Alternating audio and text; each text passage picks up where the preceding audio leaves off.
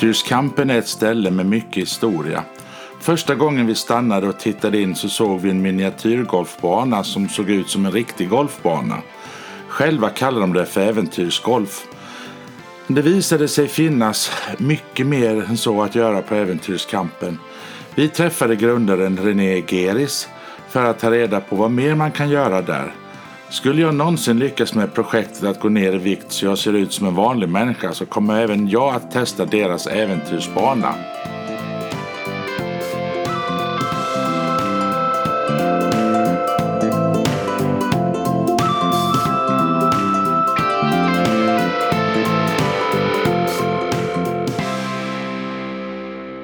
Tack så mycket René för att jag fick komma till Äventyrskampen. Mm, tack själv.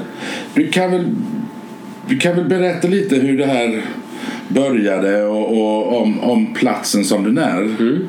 Ja, ska jag berätta ända från där det startade från allra, allra första Gör det, gör det. Så är det från 95. Eh, och då började det egentligen med Flygets dag. Eh, då hade man eh, som en extra aktivitet på Flygets dag hade man läskbackstapling.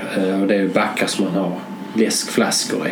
Det är knappt någon som vet idag av den yngre generationen vad det är men i alla fall de här backarna kan man då sitta på eh, och stapla sig uppåt. Och då hade man en, lastbilskran eh, och, eh, och då kunde man stapla sig upp och så satte ju barnet fast i den här kranen för att inte ramla ner.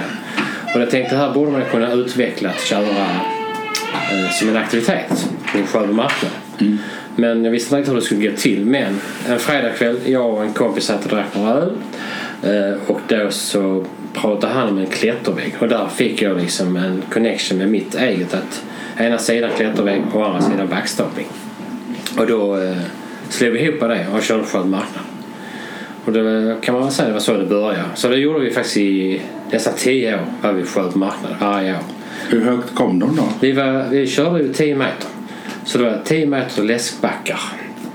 Och vi hade ett litet problem i början. Det var ju hur, vad gör vi om... Ja, och det gjorde de ju. Läskbackarna faller ju. Ja. Och då kan de ju inte falla 10 meter ut på. Nej. Så då ska, införskaffade vi ett nät som vi, de staplade inuti liksom. Ja, ja. Så att, eh, det var så det började. Men kom de då upp 10 meter då? Ja, ja. Absolut.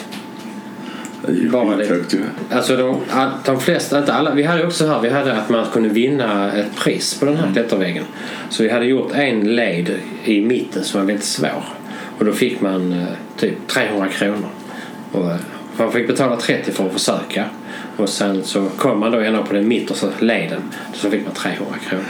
Och likadant var det ju att om man klarade stapla 10 meter upp så fick man också 300 kronor. Det måste ju vara jättehögt, 10 meter ju. Eh, Jag, klarade, jag tror detta var en typ en 40 backar som de klarade. Och jag själv klarade som max 20 stycken. Så liksom, det, oftast var det små killar och tjejer Ja. som var duktiga på att stapla läsk. Typ 12 år. Ja. Så att, eh, det var- Jag, jag har målat mitt hus i år Ja. och jag vet hur högt vad kan det vara? 5-6 Ja, meter det är upp. Det är rätt bra det. ja, nej, så det... Men sen skulle det ju visa sig att läskbackstapling, där var ju ingen ekonomi det för att du vet om en liten kille sitter där eller tjej sitter där och staplar. Det tar ju en väldig tid. Ja, är de då duktiga så för att stapla hela vägen kanske det tog en halvtimme. Ja. Det är ju ett jättehav med publik och de älskar ju det. Ja. Men vår ekonomi, alltså 30 kronor i, i halvtimmen, det är 60 kronor i timmen. Ja. Eh, Det blir man inte rik på kan jag säga. Så att eh, klättervägen däremot gick mycket bättre. Då var det snabba försök och de som inte kunde de visade sig ganska snabbt. Ja. Och sen var det jag med selen och så fick ni prova. Så där var det, gick det lite snabbare att få in lite pengar. Så att det blev väl mer den som blev huvudattraktionen sen, klättervägen. Och sen efter några år så tog vi faktiskt bort läskbackstaplingen för att ja, att ha en anställd till att stå där och göra det, det, det, det var ingen ekonomi alls. Det var ingen som ville ha 60 kronor i timmen. Men sen hittade ni det här stället. Ja, och sen blev det att det här utvecklades och jag körde vidare. Jag hade en vision av att bli väldigt stor och, och jag ville ju satsa alla pengar liksom så på detta. Så min vän valde att gå ur Eh, och jag körde vidare själv och då började jag tänka femkamper. Eh, Och då... Jo, femkamper då. Och det var i samma veva som eh, Robinson gick igång. Robinson hade ju mycket aktiviteter och där satt jag och tittade på varje program. Inte för att jag var så mycket intresserad av själva dramatiken kring det. Men alla aktiviteter ritade jag upp och skrev upp i, på ett block. Mm. Och de, de har jag tagit med mig. Jag har ju stulit några idéer därifrån. Det kan jag ju villigt erkänna. Från de första programmen. Ja. När Melin var med och vann det. Ja. Så eh, vissa har jag aldrig använt. De står fortfarande kvar. Vissa aktiviteter aldrig använda. Jag har provat själv några gånger men jag har aldrig använt dem på plats. De bara står där. Men vissa kör vi faktiskt nästan med alla kunder. Och det är en eh, blåsrörstävling. Som man ska skjuta med blåsrör. Det är en speciell Ja, det är en speciell aktivitet som de gjorde på Robinson i den första programmet. Och den har jag faktiskt kvar haft i alla år. Och det är den mest populära som vi har faktiskt. Så det är lite häftigt. Det, ja. Så, att, så det började med femkamper. Sen var det så. Jag hade ju en del svensexor med hiphop men det var ju ingen sådär riktigt ekonomi det heller. Men så fick jag kontakt med Snoholms slott och Bjärsjölagers slott som eh, ligger här i kommunen. Eh, och då blev det så att på Snoholms slott gjorde jag mycket, jättemycket jobb. Och de lärde mig också ta betalt. Det kan man inte i början. Så första fakturan så undrar hon ju faktiskt vad är det för eh, faktura de har skickat? Eh, Är det vad du ska ha för hela det? Ja, så, så det, det här, så här lite kan du inte ta. Så. Du måste ta mer. Ja. För de fick procent på det jag tog betalt. Ja, visst. Ja, och då blev det mindre till dem. Ja. Så att då fick jag höja mig några hundralappar så att det blev liksom rätt värde tyckte hon. Och det var ju bra. Och det var ju bra för mig för då fick jag in mer pengar. Då förstod jag också vad jag kunde ta betalt. Så att de eh, gjorde att företaget växte och att jag fick in lite pengar i företaget. Och sen så rullade det på. Men det blev sjukt eh, jobbigt att driva företaget för att det var hemma i mitt garage. Skulle man packa in först och köra iväg. Ja. Sen skulle man kanske på ett jobb till samma dag. Då fick man köra hem och packa av och packa in nya grejer. Det var inte att, oftast var det inte samma grejer Nej. till nästa gäng.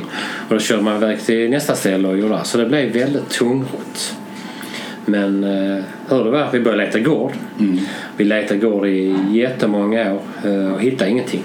Var det inte för dyrt så var det för dåligt eller så var det för långt bort eller det för öde, ingen natur. Ja, det var alltid något som inte stämde. Men så var det, när var detta? 2002. Och då var det så att då har jag jobbat på en, i en färgaffär. Eh, och då eh, i den här färgaffären så jobbar det en tjej som heter Marie. Eh, och hennes man är Röda Korschef. Jobbar inom Röda Korset. Och de hade jättemycket läger eh, för eh, förståndshandikappade barn. Och då sa hon, ja men då ska jag säga upp kontraktet nere i syd. Om du, du kanske kan ta över det istället. Nej, så vad är det för ett ställe och hur ser det ut? Och, ja, vi kan köra dit efter jobbet så kör vi ner om och tittar. Ja, vi kom ner här och körde in på området och, så körde vi ut på baksidan. Så, men det är ju ingen risk att jag får liksom, det är ju jättestort. Hur ska jag liksom kunna råda det? Men hur det var så de sa upp kontraktet då hade Lasse liksom presenterat mig lite för kommunen och sagt det här är en kille som kan ta över. Och, eh, i början, alltså folk skrattade åt mig för det var ju i början då när man, aktiviteter gjorde man inte förr. Det är ju en ny företeelse Ja, faktiskt. precis. De med Robinson, ba- bara där att de tävlade som de gjorde på det sättet var ju jättekonstigt. Så många skrattade liksom åt min affärsidé. Men alltså, varför håller du på med det? Är det något som, någon som bryr sig ens? Eh, och även så blev det på kommunen när jag kom dit där. Men varför ska du ha det istället? Är det lönt? Och tror att du ska göra femkamper? Vem skulle vilja göra det? Ja. Ja, så det är ju trevligt om jag hyr det istället, drar in lite skattepengar, lite anställda och så. Och då skrattade jag fritidschefen direkt och sa hur många tror du att du ska vara anställd på det stället? Jag sa det kvittar om jag bara har en eller bara jag så blir det ändå skattepengar. Nej, det trodde han inte på. Så att, då gick jag till fastighetschefen. Han var faktiskt intresserad av att hyra ut stället. Ja. Eh, Och då sa han det att ja, men du, du, du får hyra det så. Du får hyra det för 10 000. Och då tänkte jag i mitt huvud att ja, men 10 000 gånger 12. Mm, det ju en ansenlig summa. Så sa han sen att ja, det här är som året. Oj, så. ja men det går precis så. Det kommer att funka så. Så jag fick faktiskt för 10 000 i månaden och det var det Röda Korset hade betalat innan. Ja. Så jag fick betala samma summa som dem. Vad fanns, fanns det här huset då? Ja, nej, inte just det vi sitter i. Det har jag och min son byggt. Ja. Men här var ju sex hus på området. Ja. Stora hus, riktigt stora hus med 20 gånger 8 meter. De här husen. Så det är rejäla, stora hus. Och den, den har ju en historia varför det har Ja. funnits här. Absolut. Så att när jag då eh, kom hit och då liksom undrade vad har det här varit? Jag blev mer, mer intresserad. Vad har det varit för någonting? Ja. Eh, Och då eh, började jag forska i det och det har jag gjort i så 10 15 år har jag letat information och bilder. Letat upp gamla farbröder som jag intervjuat och så här. Eh, Och hittade faktiskt bilder från en Gustav Persson som är gammal pilot. Eh, Och han var ju också här på den här hemliga flygbasen. Det heter då krigsplats nummer två. Eh, Nummer ett ligger uppe i Sjöbo på den här asfaltsbanan som ligger precis utanför Sjöbo i Björka. Den här rak, raklångan eller? Nej, som är inne i skogen där. Inne i skogen? Inne i skogen är där en flygplats. Det är krigsflygplats nummer ett och detta är krigsflygplats nummer två. Som det hette då. Du sa att den var hemlig. Ja. Och varför var den det? Jo, för det, det här skulle föreställa en bondgård. Så ett av husen var gulmålade. Ett av trähusen skulle föreställa att det var putsat på ena sidan och träd på andra sidan. Men det var ju vitmålat trä. Och så hade man en fejkmålad dörr på sidan. Så att, eh, så det föreställde en bondgård. Och så var det ju lite log och sånt. Men logen kunde man faktiskt fälla hela långsidan. Och där kom man då backa in flygplan. Och så var det en verkstad. Ja. Och den logen står faktiskt kvar idag. Men den är försedd med plåt. Ja, och där står även en sån här en halvmånes eh, precis sidan om det är då från vägen mellan Ystad och Sjöbo. Där fanns ju sån här, eh, jag vet inte vad de kallas, jag vet typ en hangar Ja. som hade, men det, den är ditsatt i nutid. Men den fyrkantiga lådan är ju ända sedan andra världskriget faktiskt. Det är häftigt. Ja, det är riktigt häftigt är det. Så att här är ju två hus där det bodde 43 man i varje. Det finns ett hus som det var stab och kommunikation och alla befäl bodde i. Sen finns det ett hus som högsta befälet bodde i. För det är faktiskt ett sovrum med en säng och ett skrivbord. Det är det enda rummet på hela området som är så att det är en säng och ett skrivbord i ett rum. Och det måste ju vara högsta chef som Ja, sover där kan jag tänka mig. Eh, Och det är en liten lägenhet som är i... Det skulle också vara verkstad såklart. För den är gråmålad. Allting finns kvar här. Allt finns här, ja. Inget hus är rivet. Så allting finns kvar. Du delar, du delar eh, området med Segelflygsällskapet och Sjöbo flygklubb va? Så, så var det ju förr. Innan jag köpte det. För det var ju så att efter några år där efter tjat fick jag köpa det. Ja. Så jag ansökte tre gånger om att få köpa det. Så två avslag. Det tredje gick igenom. Eh, och eh, då var ju Segelflygklubben, de hade ju också vissa lokaler så de blev inte glada när jag tog över detta. Så, men, men där har vi ju också... Men då blev det att jag tog över. Då, men så var, det var faktiskt så att de bodde här lite grann. Ja. Eh, och det var faktiskt ett pensionärspar som hade en lägenhet som de bodde i. Men de fick faktiskt bo kvar Ja. eh, när jag tog över. Så de var ju jätteoroliga för de hade bott där i säkert 20 år. Eh, och då var de ju jätteoroliga att nej men då åker vi ut. Så nej, nej, nej, nej jag vill inte bli ovän med varken segelflygklubben eller er. Så bor ni kvar så länge ni vill. Men, och det är också en lite rolig historia för jag sa ju till den här farbrorn och damen som bodde att nu har jag gjort toaletter här inne så kan ni bo, alltså gå på toa där. Ja. Inte bo, men gå på toaletten eh, där och så. Men en morgon så ser jag att han ändå sitter på utedasset. Ja. Så då frågar han sig, men du Går du inte på den nya toaletten i byn? Nej, sa han. Det är så skönt att sitta här och titta på flaggstången när den vajar. Och när han har dörren öppen. Så då tyckte han det var mycket mysigare att sitta där än att gå på en riktig toalett. Ja. Sen blev det faktiskt att jag renoverade deras lägenhet så att det var toalett och dusch och kök och så här. Så de tog vatten från Malmö. Tog hit vatten. Ingen toalett hade liksom utedass. Men när, då jag gjorde allt detta då flyttade de ut. Nej men så här vill vi inte bo. Nej, då var det för fint. Det var, blev för fint ja. Ja. Så att, eh, ja, på ett sätt. Jag eh, tyckte det var lite sorgligt men jag blev också lite glad för då kunde jag hyra ut den här lägenheten som vi då gör idag.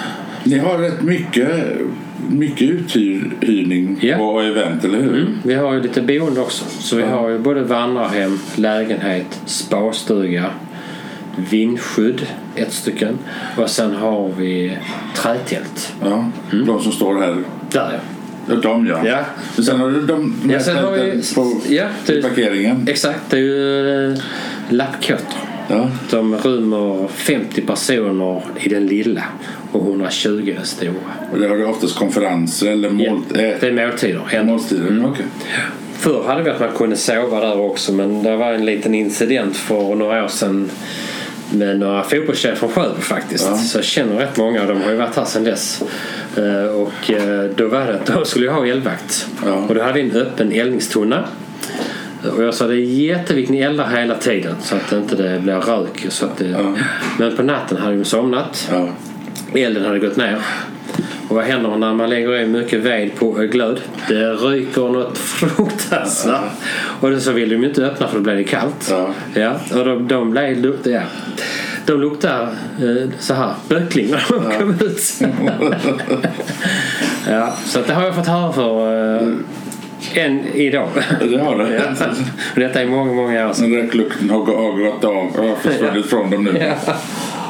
Du, den här hemliga militärbasen, vi återgår till den. Var det inte något plan som kraschade här också? Jo, grejen, där är ju lite historia kring det också. För Det var ju så att det var ju jättehemligt för Ja. alla som bodde i Söder och Sjöbo. Men eh, USA, Tys- eller USA och England hade ju full koll på detta stället för svenska regeringen hade tagit kontakt med dem och sagt behöver ni nödlanda så vill vi jättegärna att ni nödlandar i Sövde eller på Bulltofta. För man vill ju inte ha massa bombplan ute på åkrarna för då är de ju omöjliga att få bort därifrån. Ja. Så då eh, angav man på kartor var de fanns eller så plockar man upp dem ute vid kusten. Kommer det ut ett jaktflyg, ett J20 som man hade då. Plockar man upp dem där och leder dem hit och så visar man här ska ni landa och så landar de där. Så 12 stycken bombplan nödland här ute. Så att sex stycken B24, sex stycken B17. Så att eh, ja, det var lite dra- dramatiskt. Var, var, det inte någon, var, det, var det inte någon som kraschade och det var någon som råkade stå precis under? Vi kommer till det. Vi kommer till det. Ja. ja, jag har läst på nämligen. Jo, men det som jag ska säga också om bombplanen det var ju så att det var inte så när de kom hit. Ja. Då var det inte så att vi sa tjena grabbar har ni problem med ert flygplan så ni kan flyga hem. Eh, och det har ju varit en krigshandling. Eh, och då sa man så här att eh, ni blir internerade här. Man, man sitter i förvar, inte i fängelse, man sitter i förvar. Och då eh, gjorde man det till kriget var slut helt enkelt. Så kriget var ju över för dem kan man säga. Eh, så att det var så det gick till. Sen då det mest dramatiska som hände här det var ju den här nedskjutningen en Messerschmitt 410. Ja. ja, vet ju alla hur sånt ser ut. Nej, men det är, piloten tittar ju framåt men han som sitter där bak tittar faktiskt bakåt. Så han åker baklänges. Och han skjuter två kanoner som sitter vid sidan av den här Messerschmitten. Och de jagat B17 in över Kivik. Och eh, bland där så kommer de ifrån varandra, bombplanen och den här jaktplanen. Så Max och Jussi som de hette, 24-25 år gamla, de eh, kom in här över, gör en runda här, flyger in till Sjöbo och kommer tillbaka. Och på det här andra varvet så säger den svenska personalen att de blev beskjutna. Vilket ska bevisa sig senare i nutid att de inte blev. Eh, Och då så kapar man ena vingen på det här jaktplanet. Så det går över i ryggläge och störtar i Sövde. Och det är precis utanför musteriet. Mitt på en väg där. Och det blir en krat som är 10 meter bred och 2 meter djup. Och så får det stå och brinna där för lite ammunition, det smäller lite så. så. Men när man letar i den här gropen så hittar man en svensk militärcykel och en matlåda. Det ska ju inte vara där.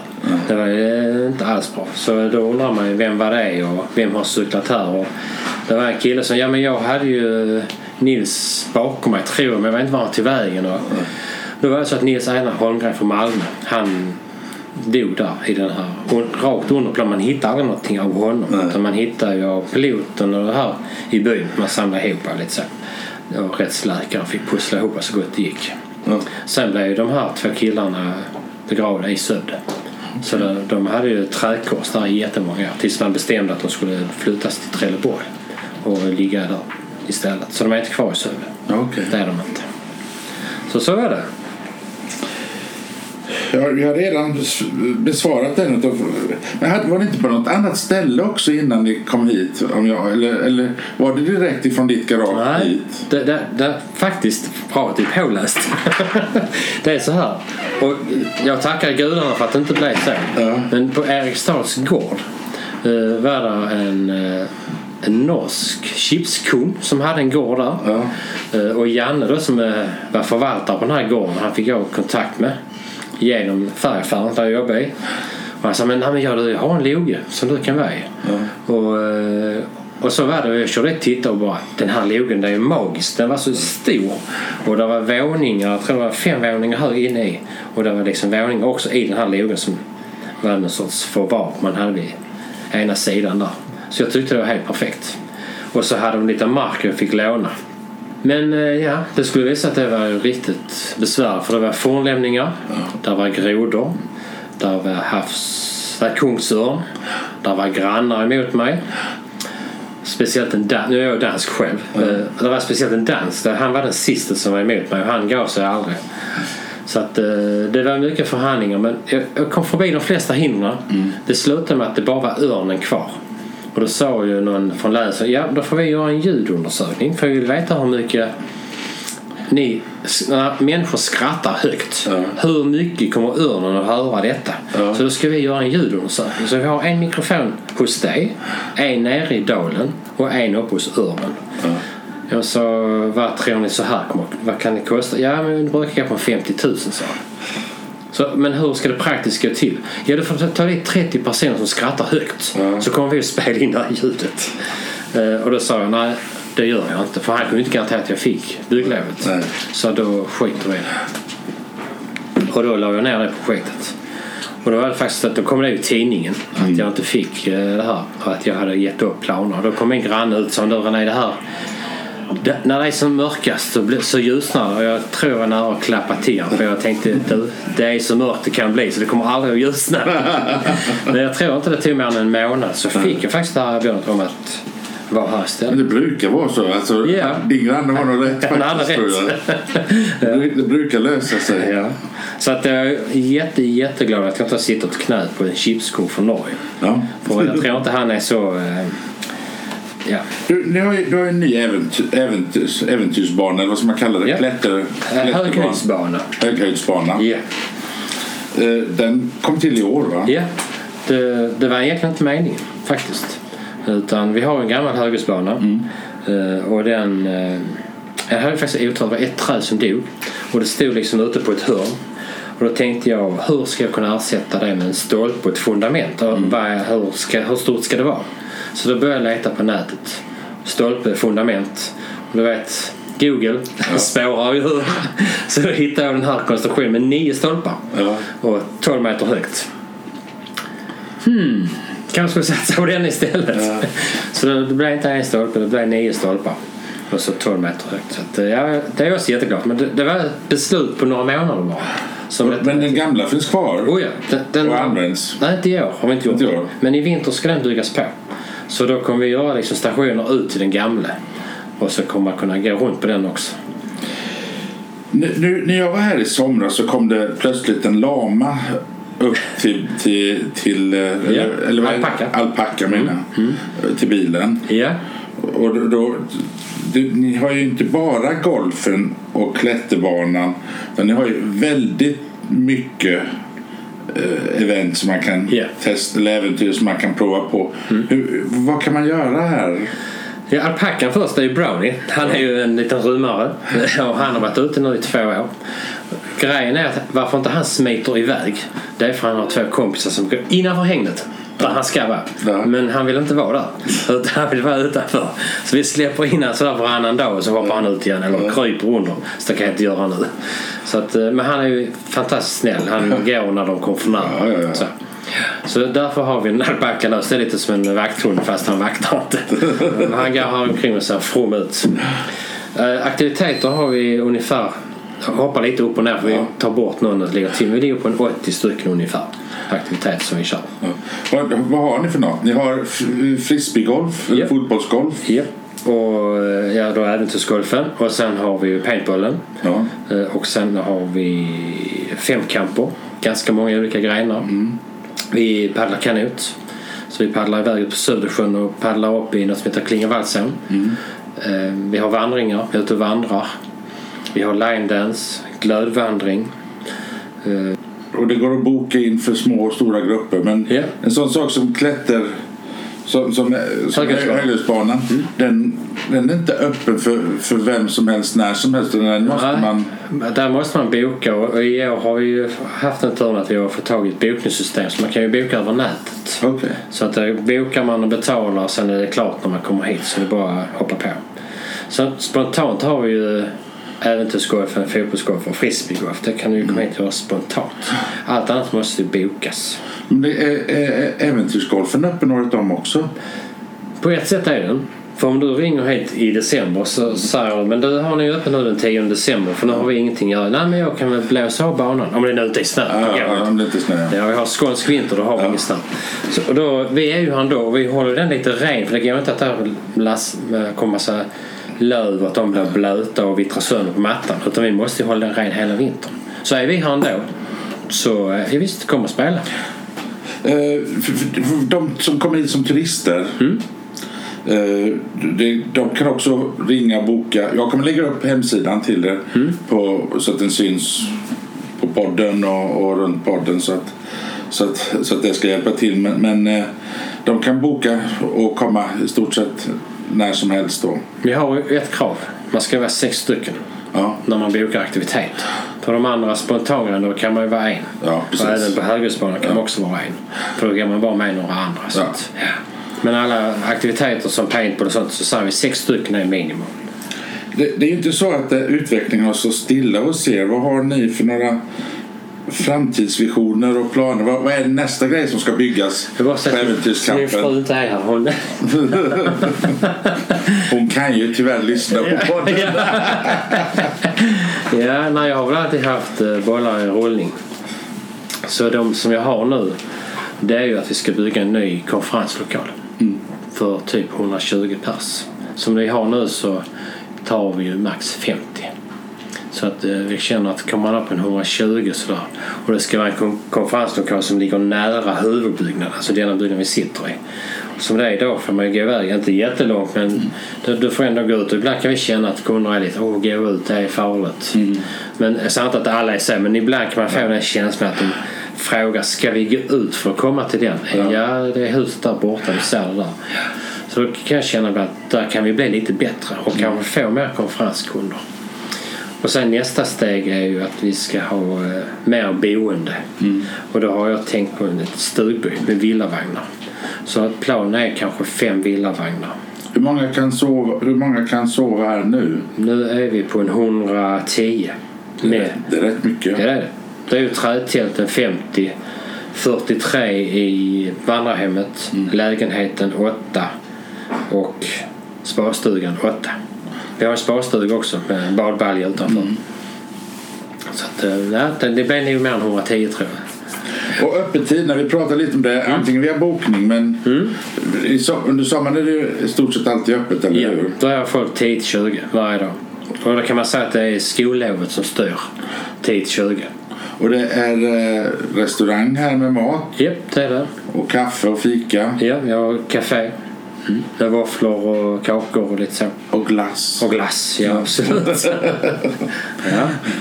Jättefint, men det går att boka året om. ja, det gör det.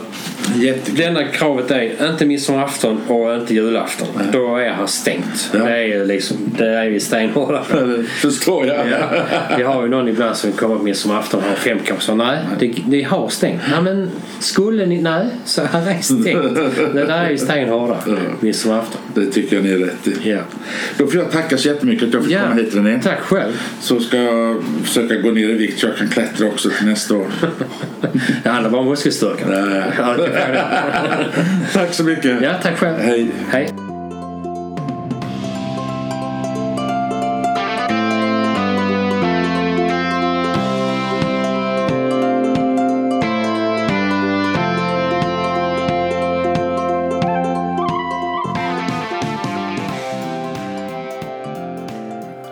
Det var programmet om äventyrskampen i Sövde. Om ni vågar måste ni testa deras höghöjdsbana. 12 meter hög i tre nivåer med totalt 36 olika stationer. Äventyrsgolfbanan är också något mer än det vanliga. Här kan ni komma som grupp eller ensam och till och med ha konferensen med det lilla extra. Det finns dessutom massor att upptäcka i dess omnejd så det är inga som helst problem att fylla en hel dag.